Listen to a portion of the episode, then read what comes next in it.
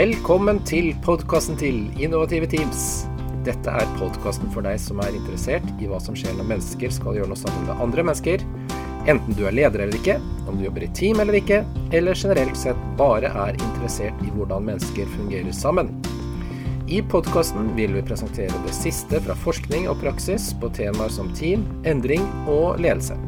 Mitt navn er Frode Heldal. Jeg jobber til daglig som førsteamanuensis ved Handelshøyskolen NTNU Trondheim.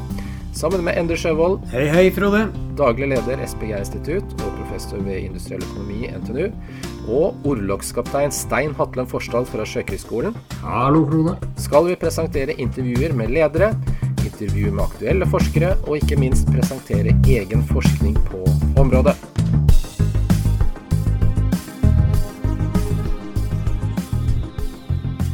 Dette er episode to med major Dag Ola Lien, hvor vi fortsetter praten om lederutdanning i Luftforsvaret, og spesielt da disse enerne. Vi kommer litt inn på flyverne og jagerflygerne i denne episoden.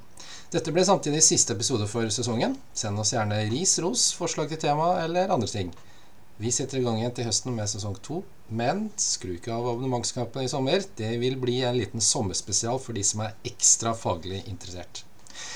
Takk for i vinter, og dermed ordet over til major Lien. Systemet òg er det at uten tillit så får du jo ikke til eh, noen ting. Tillit er på tre nivå i, eh, i sånn som jeg ser det. Det kan være flere nivå, med min inndeling er sånn. Jeg tenker det at du må ha tillit til en organisasjon du jobber for. Og Da er vi jo inne på etikk og sånn òg. Er klart, jobber du i, i en stor konsern sånn som Equinor eller andre, som sikkert dere bruker som eksempel, så, så er de jo litt opptatt av at de på overordna nivå ikke har korrupsjon eller driver, har gode verdier. hvis de og nå er jo mange faktorer som begynner å spille inn, som vil kunne påvirke de som er ansatt. Og så at de behandler deg ålreit. Da får du tillit. Det er klart du òg på din jobb, hvis ikke du opplever her at Handelshøyskolen her behandler deg ordentlig, så kan den tilliten din på det organisasjonsmessige nivået etter hvert bli litt tynnslitt, som i verste fall kunne gjøre at du vil være villig til å bytte jobb. Så det må man ha der. Så med den andre relasjonsmessige tilliten, det er den du klarer å skape i interaksjon med dine kollegaer. Ja. Med den du er, hva du står for, og, og det du får til. Og den kan av og til utfordres litt. og det går litt frem og tilbake. Det tar tid å bygge opp og raskt å rive ned. Og dette gjelder jo for oss både på En ting er jo det at vi skal etablere dette i timene med elevene, men vi har jo dette også relasjonsmessig mellom oss på jobb, ansatte og Og det er kanskje der den direktheten Ja. at dere prøver å dyrke den Ja. så tidlig som mulig. Ja, for, Ja. Få, for det skaper mer trygghet og Mm. eh, åpenhet som gjør at det blir lettere. Ja. Eh, og den siste biten, eh, som jeg også kaller det, er den individuelle tilliten. Og den kaller jeg selvtillit. Og det må vi jo òg. Det er jo ikke gitt at alle har det. Men vi eh, tror at det, hvis de ikke har det fra før, så er noe av det vi eh, driver med undervisningsmessig, og det vi gjør øvingsmessig, er med på å gi Mm. forhåpentligvis de elevene våre, kadettene, selvtillit også. Så du har den siste biten. Så man blir litt tryggere på seg, for det er jo trygghet. Selvtillit henger jo sammen med det at du på en måte lærer at du mestrer. Mm. Du får til. Du har vært ute, ikke sant. Nå har vi hatt det på en vinterøvelse, og det er klart at selv om noen har slitt der, så tror jeg at de fleste sitter med en veldig god følelse etterpå. De har prestert, levert. Mm. Den øvelsen kommer tilbake og ser at jo, jeg mestra det. Kanskje noen hadde litt sånn ja, eh, var litt usikre i forkant og sånn, Mm. og så opplevde de det, og det blir veldig bra. Ja, ta, ta oss litt inn i den, for den, den er litt spennende. For dere, dere, dere på en måte dytter jo folk litt her i Ja. egen uh, Ja. skal vi si, eh, prestasjon. Og Ja. si litt sånn mer konkret hvordan du, dere dytter folk, for det skal jo ikke ødelegge dem. Eller? Nei. Og der er nok forskjellen, og, og mange som hører på, som kan tenke Jeg tror eh, det som er forskjellen på oss og kanskje de andre forsvarsgrenene, er at vi er eh, ganske liten. Vi er en liten skole. Mm. Så vi har veldig kort avstand mellom kan du si, eh, lærere, instruktører og elevene. Det har de sagt er veldig fint, spesielt de som har vært på andre skoler. Nå kommer de jo fra et større regime før de kommer til oss. Både på Linderud med flere hundre elever og, store saler og lite sånn eh, læring i mindre format. Og så kommer de til oss og syns det er veldig ålreit å, å jobbe litt tettere på. Men så til det du på en måte spør om, så kan du si at eh, jo, vi har jo tro på at eh, vi, vi, stiller jo krav, selvfølgelig. Men eh, vi har jo ikke, man må ikke få det bildet at vi driver med noe eh, kadaverdisiplin eller noe sånt. Det gjør vi ikke. Men samtidig, og det er lov å feile, men samtidig så forventer jo vi ting, og det leveres jo varer. Det er jo ikke sånn at vi går rundt og, og og at ikke man har forventninger som blir innfridd, og den biten. Men jeg tror det at å stille krav, og, altså omsorg også stille krav, og at du eh, at du trenger ikke å Jeg hadde kanskje en forestilling da jeg var sersjant at det handla mye om å skrike her kraftig stemme og sånn og rope til folk, men eh, jeg ropte ropt veldig lite på mine 18 år på Luftkrigsskolen. Mm. Ekstremt lite. Men folk sier jo at eh, de ser jo fort hvis jeg er irritert på et rart, har ganske synlig kroppsspråk. Jeg tenker det at du da er også folk trygge på hvem du er ja. i den rollen. Og det er jo det vi vil eh, også at de som går hos oss skal bli. De skal være seg sjøl. Mm. De skal ikke inn i en firkant. Det er mangfoldsbegrepet òg, tenker jeg, er viktig. Og folk må forstå at det handler om at folk må jo levere det som skal til for å komme seg fra A til B. Men hvordan du gjør det, er litt mer din uh, bit. Og jeg tror at den forskjelligheten gjør at du får Det har tatt meg litt tid å innse det, men den forskjelligheten gjør at du får bedre kvalitet mm. på det produktet. Fordi at du, du, inviterer Du har folk som tenker annerledes, faktisk. Tenker litt utafor boksen. Luftforsvaret er god på det. Ja. Vi har uh, folk som tenker helt annerledes, og da er vi kanskje si, kanskje ikke så opptatt alltid av de formelle strukturene eller om eh, skoene er knytt akkurat på samme måte, selv om vi ja, Vil det være til en hinder? Uh, nei, nei. Men, eh, men, det er litt sånn er jo kanskje Hvis du hadde delt i ansatte i forskjellige kategorier, så har aldri jeg hatt Jeg vel aldri fått en påpakning på et antrekk i hele mitt liv, tenker jeg. Men, så jeg har ikke noe problem med det. Men jeg har nok lært meg å se at det er andre kvaliteter som faktisk er viktigere noen gang enn om folk har akkurat de rette skoene eller noe sånt. Så, som, så, jeg ser eh, Ja, jeg kan se den biten og gjøre mm. meg noen refleksjoner rundt det. Mm. Så det er altså en praktisk retta utdanning. Det betyr også det at vi driver ikke Vi, vi er ikke en gang i uka ute i felten, eller at vi driver sånn, sånn at folk ikke får helt feil inntrykk at dette er en sånn Lauritzen oppstilling og går. Nei da, de sitter som elevene her, og vi, man vil kjenne igjen at det er mye forelesninger på tradisjonell måte. Eneste forskjellen er at du kan plukke de ut, for de sitter i uniform. da. Mm.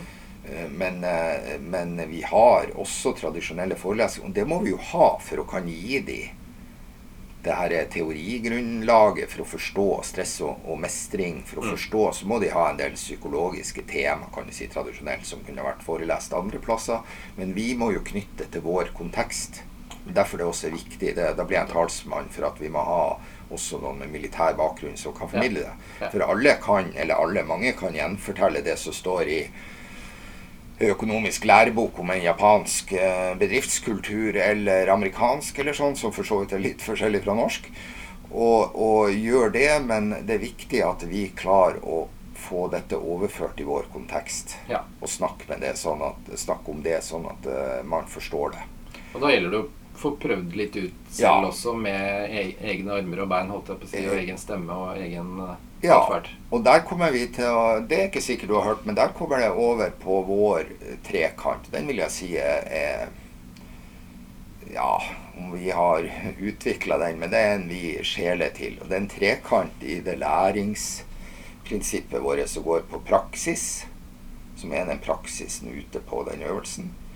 Og så er det teori som la meg si at uh, Ja, og så kan jeg ta den tredje tingen, så er det refleksjon. Så skal jeg ta mm. de delene. Praksis nevnte jeg jo. Det er jo mm. at du drar ut i øvelse. Så kan du si at før det så kan du få presentert teorien. La meg si vi kjører en stress- og mestringsøvelse. Der du reindyrker. Det kan være på én dag. Vi kan være på uh, her, eller vi kan være ute i skogen og gjøre noe ting. Men da reindyrker vi Hvis f.eks. vi vil trene på en del stressreaksjoner, stressorer, så vil vi på en måte ta det, og da har vi gitt dem teorigrunnlaget i forkant. Mm. Og Da vil jo det være eksempelvis et snapshot fra noe du hadde fått på kanskje psykologiske institutter. Men her er det for å forstå hva du skal ha i den ekstreme lederrollen du skal ut i. F.eks. Eh, stressoren eh, eh, ansvar. Hva kan det medføre av følelse eller emosjon? Jo, det kan medføre skyld eller skam. Du kan ha frykt. Kan medføre aggresjon eller at du løper av gårde. ikke sant? Poenget er at vi gjør det, så du har en teori. Og så er vi så heldige at vi får lov kanskje å ta praksis, og så tar vi etterpå. Dette er ikke frikobla, så reflekterer vi rundt. Hva er det vi har lært? Og den refleksjonen er todelt, for det er et begrep. Refleksjon er ikke bare Da bruker vi loggbok, som også har vært brukt en del blant også sivile toppledere. Jeg vet det nevnes i sivil sammenheng. Vi bruker det systematisk. Ja. Da kan man velge at man har en eh, modell å skrive etter. men Det skal jeg ikke komme inn på her, men det har vi som regel, så de får noen måte. Og, også, men den loggboka er primært for dem sjøl. Det er ikke noe vi samler inn. Det er noe man skal bruke og lære seg å bruke for Ja. å dele etterpå. Så det er den skriftlige refleksjonen. Men det er også en muntlig refleksjon som foregår i det samme teamet, kall det, eller gruppa du har operert i, der du deler dine erfaringer. Mm. Og det kan skje da på, helt ned på uh, toernivå, treernivå, gruppenivå, eksempelvis 7-8, og så i plenum. For at andre tar del i den læringa. Og der er kanskje det Jeg vet ikke om han fra sjø nevnte det, men der er nok vi litt mer bevisst og driver jeg sier, De andre krigsskolene gjør nok dette i forskjellige former, det gjør de, det vet jeg. Men vi har litt annen touch på det. Det er mer Opplever at det kanskje er mer systematikk hos oss på det. Ja. Der vi jobber bevisst. eh, Først i mindre i toårsbarn, kanskje. Så i ei gruppe, den gruppa de er i, etablert i trygghet, deling av livshistorie sånn. Og så i plenum. Og Ja. alt dette er med på å lage den tillit, trygghet og tillit, som igjen er med på å forme, utvikle lederen. Altså lederutvikling. Kjært barn har mange navn. Egenutvikling, lederutvikling, offisersutvikling. Det er same shit. Altså det er samme greia. Tenker du dette kunne man gjort eh, andre plasser òg? F.eks. Ja. Ja. vanlige sivile firmaer? Ja, og jeg snakka jo med en, og vi har jo mye eksforsvarsfolk som har kommet. eh, Snakker jo med deg, du har jo også litt bakgrunn. Så tenker jeg det at eh, hvis man ser på eh, Altså ser på Solstrand eller ser på noen av disse lederutviklingsprogrammene, så er det jo det er jo ikke noe sånn revolusjonerende ting som ikke vi er kjent med der, så man kan jo undres hvem som har påvirka hvem der. Men, eh, og, og det For å være litt flåsete sier jeg ofte ja, bare sleng på at det koster nok sivilt, så er det bra nok. Men eh, spøk til side, altså. eh, her er jo ting som går hånd i hanske. Og så må jeg få lov å si en ting som jeg gjerne eh, siteres på, fordi at jeg har drevet mye med seleksjon og sånt til Forsvaret. Husk på en ting. Det er ingenting feil eller dumt at noen går ut. Forsvaret til for å utdanne for samfunnet for øvrig. Så det er helt greit at noen slutter, men det er klart at vi ønsker jo Jeg er jo en del av et, eh, et system som også ønsker å beholde flinke folk. Men jeg sier til folk som er Hvis ikke dere opplever da at Forsvaret er det du hadde tenkt, eller gir deg de utviklingsmulighetene du ønsker, så er det jo greit å slutte. Og det er ingenting politisk feil med det jeg sier, fordi at det må vi endre systemet. Vi skal utdanne for at folk skal dra, så det er jo ikke noe drawback da at vi får inn en god leder sivilt som også har noen varme tanker om Forsvaret, og som Mm. kanskje attpåtil vil fremsnakke det. Ja. Det tenker jeg ingenting er bedre enn det. Og nå- motsatt. Ja, og motsatt. Og det at vi har fått, og motsatt, selvfølgelig. Og der er det flere åpninger nå, og jeg ser egentlig ikke så, så svart på det, for nå er det litt snarveier snarvei å komme seg inn, og vi må ikke vi må kanskje ikke låse oss. Vi kan jo eh, se på ja, hva slags funksjon og sånn. Det er klart du kan ikke hvis du skal inn og bli spesialjeger, eh, så må du nødvendigvis gå gjennom et visst utdanningsløp som noen andre. Mm. Mens du skal inn og gjøre kanskje en annen prosjekttype jobb og sånn, så vi, spørs det om du trenger like mange år, da. Det gjør du nok ikke. Da er det bedre at du kanskje har med deg noe annet. Og det er det jeg opplever noen vil si. Og så det, må man passe på at man ikke samtidig tar bort det som er gullet. Der vi gir den lederutviklinga, lederutdanninga, for Ja. de som skal gjøre det. At vi på en måte marginaliserer den, så den blir eh, pulverisert. Ja. Det er litt viktig. For da er vi jo tilbake til det som noen ønsker. Ja, men kan ikke vi kjøpe det på Handelshøyskolen? Da blir du jo glad. Men uh, det tror jeg ikke er så bra for igjen uh, hele samfunnet. Ja, nettopp. Og så Dag Ola, eh, noe som jeg gleda meg til å høre litt eh, nærmere om. Eh, du var litt inne på det, eh, og vi begynner nærmest slutten nå, så, så vi skal få avrunda. Men når vi Når de fleste, da, tror jeg, tenker Luftforsvaret, så har man jo sett filmer. Man Ja. har sett eh, Top Gun og Tom Cruise og, Ja. og jagerflyvere og, og den Ja. helteglorien, denne Ja. mytiske størrelsen som du, som du refererte litt til. Og du kjenner jo fra egen erfaring òg. Ja. Flyverne, de, Mm. de er jo på en måte heltene, da. Det, det kan vi jo kjenne i andre plasser. Og du har liksom driblehelten på fotballaget, Maradona, du er kirurgen på sykehuset. ja, helt klart. Og så tusenkronersspørsmålet, da. Ja. Hvordan leder man disse rollene, eller Ja. figurene, eller eh, størrelsene? Ja, og det er jo veldig spennende egentlig det du sier, fordi at her er du inne på litt av også det jeg har studert litt i masteren, som av og til ligger litt langt bak. Men det er jo det her Du, du skal lede en kunnskapsarbeider. En, en eh, Jeg brukte ordet spesialister, som da av og til kanskje blir da litt misvisende, siden vi har fått spesialister nå som en hel sekkepost. Men, men eh, hvordan leder du eh, disse her? What's in it for me? Ikke sant? Hva, hva Hvorfor skal noen la seg lede av deg? Eh, jeg har sagt noe om. Og, og Nei, disse her kan være For det er klart, som jeg har sagt, ja, de er individualister. Du må huske på disse er selektert Mm. hele veien.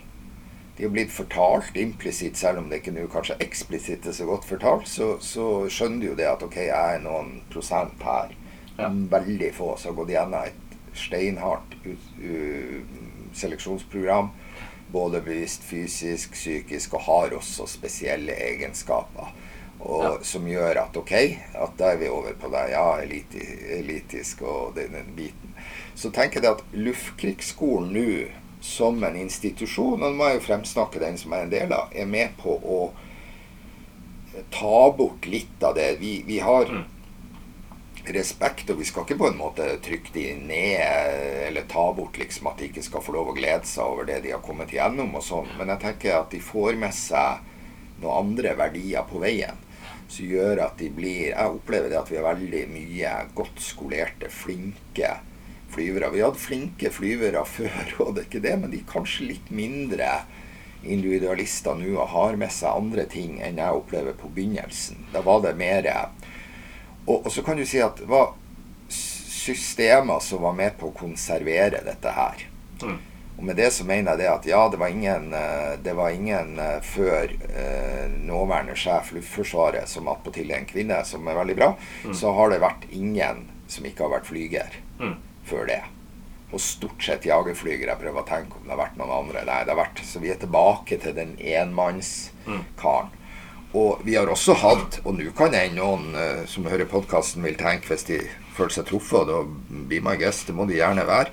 Eh, Poenget er at vi har også hatt uh, generaler og flygere som på en måte har offisielt tatt avstand fra at vi skulle ha noen andre enn nettopp flyvere Mm.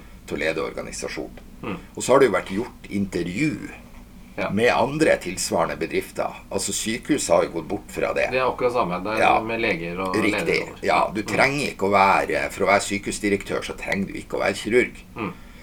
Og SAS ble jo spurt Altså sjef i, i SAS er jo ikke flyger. Har jo ikke flydd eh, 747 eller 737, ikke sant? Mm. Men operativ sjef Mm. Eller spesifikke ting der du må ha forståelse, er jo naturlig at det har en eh, bransjemessig eh, tilhørighet. Ja. Så klart på et sykehus, men jeg vet det var samme hierarkiet og diskusjon der for mange år siden. Så det er klart at eh, nå er det en del år siden de brøyt opp, men da var det jo ofte at det liksom legen var den store. Og fortsatt har jo eh, legen og kirurgen en, en viktig plass der. Men det er jo klart at du vil jo kunne ha en, en Det er fint med noen som kjenner organisasjonen. Det har jeg trua på. Så jeg er ikke helt Kennig. eh, At du, bare du kan noe ledelse, så kan du lede alt. Jeg tror det er fordel at du har vært på gulvet i en eller annen form eller kan om eh, den organisasjonen du skal lede, det mm. tror jeg er en fordel. Og det står jeg for. Og, og dermed, men det betyr jo at også sykepleieren eller hjelpepleieren eller mm. andre kan passe godt inn til å lede det sykehuset. Mm. Eh, så tenker jeg òg at det på også her på en skole så er det ikke en ulempe at en leder her nå har litt bakgrunn, men trenger ikke å være, være ha doktorgrad eller sånn. Det er nok fordel at det har litt, har jobba litt der òg, vil jeg si. Kanskje har litt kunnskap om det. Nå vet jeg ikke hvordan det er akkurat her, men det er litt sånn mm. fordel at du har litt bransjemessig uh, forståelse. Eller mer eh, sånn stort. da, Og det gjelder jo andre ting òg. Den diskusjonen har vært i politiet òg. Ja. Før så var det bare jurister. Ja, hvorfor det? Kan en vanlig politimann Trenger han å være politi? Trenger han å være jurist? Ja, kanskje en av delene, eller litt, mm. men det må jo ikke være lost. Mm.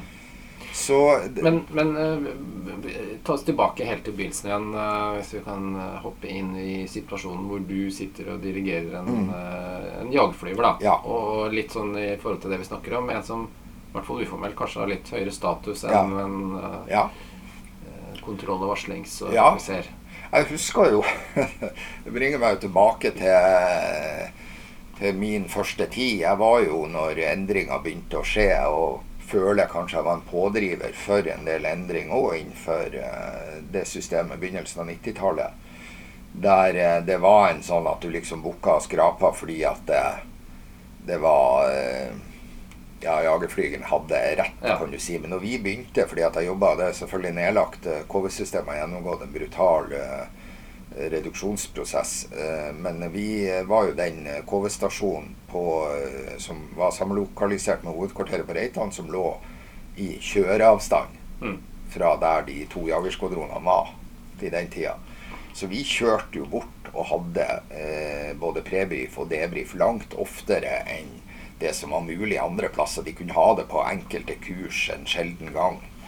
Vet jeg både på for så vidt Rygge, der de fløy over fjorden. Og her når jeg kom senere på Gråkallen, så fløy vi jo helikopter over fjorden til Ørland. Men det, man skjønner jo at det blir et mer kostbart og, og spesielt prosjekt hvis man skal gjøre det. Men vi gjorde dette her eh, oftere, og det var på eget initiativ fra oss. Og det er klart at når du fikk nærhet til de du skulle jobbe sammen med, les team, så ble vi også en del av teamet og opplevde at det, både det å se ansiktet, bli kjent med den du, du snakker med på radioen, mm. og også få en tilbakemelding da på uh, spesifikt på fag. Uh, du, hvordan du gjorde den, uh, utførte den jobben og sånn, så fikk du en mye bedre hva skal jeg si, teamfølelse og bedre utførelse av trening for det egentlig oppdraget som kan komme en gang. Mm. Og det tenker jeg også brøyt barrierer i forhold til den kan du si, respekten og den biten. Du kan jo si at ennå i den tida så var det jo fortsatt sånn at alle stasjonssjefer og, eh, på, var stort sett over hele fjøla i Luftforsvaret var flygere. Men så begynte det jo å åpne opp forskjellig eh, litt og litt. Så mm. kunne jo komme en stasjonssjef en annen plass og ble eh, vi holdt på å få en forsvarssjef som ikke var flyger, men det ble nesten stoppa da. Så Ivar Hansen het han. Han ble uh, stabssjef da. I, så han kom nesten helt til topps. Han var vel artillerist opprinnelig da. Sånn at uh, det er det var noen muligheter, og, og nå er jo dette blitt mer nå med nåværende sjef Luftforsvaret, så er jo dette nå uh, vil de vel beste mann. Og det kan selvfølgelig, eller kvinne, det kan jo selvfølgelig være en flyger, det. Ja. Det er jo ikke noe problem. Vi har jo hatt mange beste elever som har vært flyger, så det finnes jo òg ja. forskning som underbygger det her, har jeg fra en i, i Forsvaret. Og det er ikke kanskje så, så, fint å si, men man må jo forstå forskning. Forskning finnes jo. Det er jo naturlig hvis du tar folk på eh, høy, både på intelligens og på en del andre egenskaper. Så det er jo kanskje ikke så unaturlig at noen av de også blir overrepresentert i topplederjobber. Mm. Men det er jo helt altså, Det er jo logisk, fordi at du vil jo det, det, fordrer jo en viss kognitiv kapasitet. Men så kommer det jo den andre biten, den relasjonsmessige tingen, som ja. også da læres hos oss. Og vi opplever jo at vi former jo så alle. Vi er som en altså, utdanningsinstitusjon der det er gode muligheter for alle ja. som kommer uavhengig av bransje. Er det, bare for å sette det litt på spissen og kanskje begynne å avrunde etter hvert, Ja. men er det, er det riktig å si at dere jobber eh, på en måte med å ta ned eh, dette statushierarkiet? Eh, Eller i hvert fall gjøre det til noe konstruktivt, og ikke Ja. noe ensidig ja, det ligger ingen Jeg er livredd for sånne modeller med noe akkurat Nei, det ligger ingen uttalt policy på at vi skal ta ned, eller nå skal de virkelig settes på plass, eller sånn. Det er jeg sjøl ikke noe Overhodet ikke noe tilhenger av. Men det er mer at vi, vi eh, ja, bevisstgjør hvem man er, og at eh, jeg tror vi er mer med på å skape forståelsen at skal vi få til noe, så må vi jobbe i team. Og da må vi ha den respekten for de andre. Altså Det er viktig det her å få at eh, du tror, Sånn som jeg opplever nå eh, i operativ virksomhet, at den anerkjennelsen går begge veier. At ja. flygeren er veldig eh, glad i cruiseskipene sin, som gjør det lille ekstra. Og cruiseskipen føler er en del av hele det oppdraget å eie, få en eiefølelse til ting. Mission Ja. support er det samme. ikke sant? Man understøtter greia. Og da er vi tilbake til det overordna. Ja, hva er det vi, er vi skal gjøre? Jo, vi skal produsere flytimer. Ja. Man må ikke miste det synet, tenker jeg. Jeg må forstå det. Ja. Er veldig bra. Og du skal få lov til å si noen avsluttende og gode ord. Og det vi snakker om litt, er jo kanskje litt sånn eh, Fotball er jo veldig synlig for mange av disse store heltene som man kanskje får inntrykk av at trenerne noen ganger bygger laget rundt. Ja. Eh, så noen paralleller kanskje til, eh, Ja. til det. Og kanskje noe vi kan kjenne på arbeids, arbeidsplassen òg. At du har noen, har noen Ja. helter og noen eh, veldig flinke som på en måte sitter igjen med masse, masse oppmerksomhet og mange ting. Ja, jeg tenker du nevnte du var nettopp på TV her denne uka faktisk om eh, Erling Braut Haaland og, eh, og eh, Zlatan, ikke sant? Ja, Kommer tilbake, og, og de er jo virkelig Ja, de er jo både individualister og team. De vet jo det at de er avhengig av å få fotballspillerne på laget med seg. Mm. Og, men det er ikke alltid kanskje de er så eksplisitte å si det. Og du starta jo med noen andre karer med Maradona og sånn før det. Men jeg tenker der er jo forskjellen på de er jo det at det er jo litt som medieskapt og image, og de tjener jo selvfølgelig formidable summer på oss også ha og reindyrke, og de får lov til det. Zlatan kan jo si at han er fantastisk uansett, og liksom å slippe unna med det, det vil nok ikke ha gått lenger i vår kultur. Samtidig så tenker jeg det at det må være Vi må passe på nå. Jeg syns jo det er litt kjedelig. Alle originalene i Forsvaret er jo nesten borte nå. Ja, ja. Og det er litt sånn, det er et sånn Så kan du si at ja, vi skal ikke ha folk som drikker på jobb, eller den type originalitet som kanskje var mer av før. At det er rydda opp og blitt mer strømlinjeforma og sånn. Men samtidig så er det igjen der er mangfold også for at det må være lov å ha folk som er litt annerledes og litt utenfor boksen også med meninger og sånn. Innenfor selvfølgelig altså, det som er politisk spiselig. For vi er jo eh, Da er vi tilbake til verdier og holdninger. Sånn, vi skal ikke ha Det skjønner man. Det er en Ja. forskjell på. Men det er et handlingsrom innenfor det her. Og jeg tenker det at vi syn, opplever jeg gir mulighet til å dyrke litt av det Ja. på vår skole, faktisk. Det er ikke så rigid. Ikke, se Lauritzen med smil og stil, mye av det kan vi kjenne igjen. Ja. Men ikke tenk Sivilister, altså alt ifra eh, voksne damer til har sagt ja, men dere er jo så hyggelige, og dere er jo de har noen forventninger til Forsvaret, at det, det er noen som står og roper 'jeg vil, du skal', at vi ikke kan være hyggelige, eller vi snakker med enstavelsesord og sånn. Det er jo bare tøys. Vi er jo helt uh, vanlige folk, men som har en eh, litt spesiell profesjon, så vi håper vi ikke skal uh, bli utfordra på Ja. skikkelig. Nettopp. Og, og det bringer meg litt over til eh, det siste spørsmålet. Du kan få lov til å legge inn noen bevingete ord hvis du vil eh, det òg. Men det vi er innom nå, det er jo kanskje det vi kan kalle karakter. Ja. Karakterbygging. Ja. Karakterbygging. Og det husker jeg jo selv da jeg gikk på Befalsskolen, at det var noe som heter militært forhold. ja. Si, si litt grann om, om det, og kanskje om det Ja. har noen plass i, i det sivile. Ja, jeg tror det. Det første er jo det at nå heter det jo det begrepet der Jeg har jo selvfølgelig bytta navn, uten at det innholdet er jo det samme. Det er jo liksom uh, skikkethet som militær leder. Smil eller sånn. Vet du, blir nesten uh, SML. Skikkethet som militær leder. Og uh, ja, vi eh, skriver en uttalelse på det. Så kan man si at den er kontroversiell. Den er fortsatt til diskusjon. Skal du få en karakter? og skal du få bestått, ikke bestått, eller så Man kan jo si at ja, det er en sofistikert orden og oppførselskarakter, men det er ut ifra en del ting. Og så tenker jeg at det, det første er jo det at det som ofte har vært litt utfordringa med det, er noen som føler at liksom, ja, dette er en trynefaktor og en del ting som ofte vil være når du skal vurdere. Men vi prøver jo å vurdere i forhold til en del fastlagte kriterier. Det betyr at eh,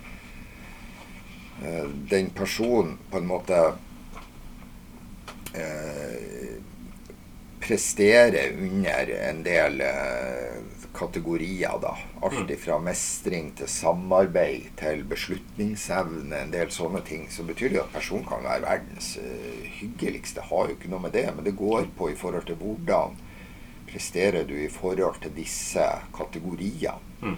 som vi mener er viktig i forhold til den jobbutførelsen som militærleder, da. Mm.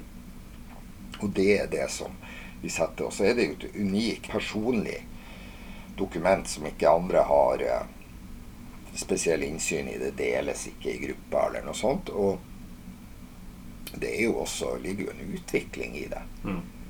Når du ser det her, så er det jo unikt. Jeg tenker du får, Hvis du klarer å ta bort det at du liksom føler at du får For det er jo ofte noen som ikke Jeg tror de fleste vet hvor de står, men at de eh, opplever kanskje å få en ting som de ikke er helt fornøyd med. Mens de tenker ja, hva kan du jobbe med? Er det det viktigste? Jeg opplever at de fleste kjenner igjen det som står der.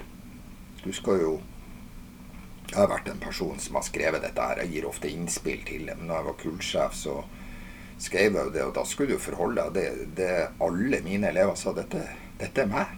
Mm. I teksten sa de. Og så kanskje da fikk de en sånn Har litt annerledes utforming på det da, men da fikk du en sånn Hørte når de da fikk en sånn karakter på det som du kjenner fra eksamen, så gjorde du noe igjen i forhold til Da slo du inn dette her med hvor er forventningene mine ja. til plassering. ikke mm. sant? Og da var det noen som skifta ansiktsfarge. Så, jeg sier du sa jo at dette her stemte. Jo, men liksom mm. Karakteren var ikke grei. Så det gjør jo det at diskusjonen kan jo være om man man skal droppe det og bare ha bestått, ikke bestått. Og det er jo gjenstand for diskusjon. har vært gitt litt begge deler i mm. Forsvaret. Så. Men ellers har vi jo også en tjenesteuttalelse i Forsvaret som alle får hvert år. Mm. Militært tilsatte. Sivile kan velge. Og der står det jo òg en del ting. Og så kan du si at ja, det er ikke en bokstavkarakter, men du har jo, hvis du eh, tar litt over norm over norm og plasserer en bokstav der, så er det jo ja. samme greia. Ja. Du får jo på en måte en slags vurdering da, der norm er bra. Men noen føler ikke det, at det liksom er bra nok. Ja. Så, eh, men eh, den er der, og jeg tror det er et unik ting. Og jeg tror at det kunne nok vært bra i uh, det sivile å ha et system. Men det må tenkes nøye igjennom. For det som er problemet nå med å teste sivilt, er bare det at hans Hansen har jobbet hos oss i så så lang tid mm. og utført arbeid er greit. Det står ikke noe annet, det er ikke lov å skrive noe annet. Så du får jo sånne intetsigende attester. Det hjelper jo ikke noe i forhold til hvordan jobbeutøvelsen. Derfor får du jo headhunterfirmaene må jo få lov å da gå dypt inn og ta noen personlighetstester og finne ut liksom Ja, Hans Hansen, er han egentlig så flink, eller eh, er det bare flaks? Det må vi finne ut. Ja. Så da får du jo den biten for å kompensere for at det ikke finnes noe annet, tenker jeg. Ja. Veldig bra. Eh, jeg tror vi begynner å avrunde, Dag Ola, og sier eh, tusen hjertelig takk. Har du en sånn kort eh, tips til eh, en som vil bli leder eller utføre en god ledergjerning helt på tampen? Ja, jeg tenker det at eh, prøv å få praksis, vær nysgjerrig. Eh, du har du lyst altså Også hvis du har tenkt på Forsvaret, men tenker det er kanskje ikke for meg, så tenker jeg det at det er å gå inn og se, for det er så mange muligheter. Og så kan du være der en stund nå, på forskjellig Nå kan du være på mye lavere nivå enn før. Se om du trives, og så finne på noe annet. Ja. Spesielt til de unge som er litt skoleleie, sånn, så er det en uh, super mulighet å prøve seg litt. Og så eventuelt se hva du vil, og være i ordna former. Ja. Rett og slett. Ja. ja. Nei, men da tror jeg vi sier tusen takk til eh, major Dag Ola Lien. Lykke til videre med å utvikle framtidens eh, ledere. Ja, tusen takk. Ha det bra. Ha det bra. Som sagt tar vi nå en liten sommerferie. Her på slutten snakker jo Dag Ola primært til de som vil bli ledere, men vi kan ta med praksis også som et ledertips. God ledelse handler om å gjøre og utøve. Ledelse er en praktisk disiplin, og det er kanskje derfor det er vanskelig. Med følgende bevingete ord fra Per Gynt ønsker vi god sommer. Ja, tenke det, ønske det, ville det med, men gjøre det? Nei, det skjønner jeg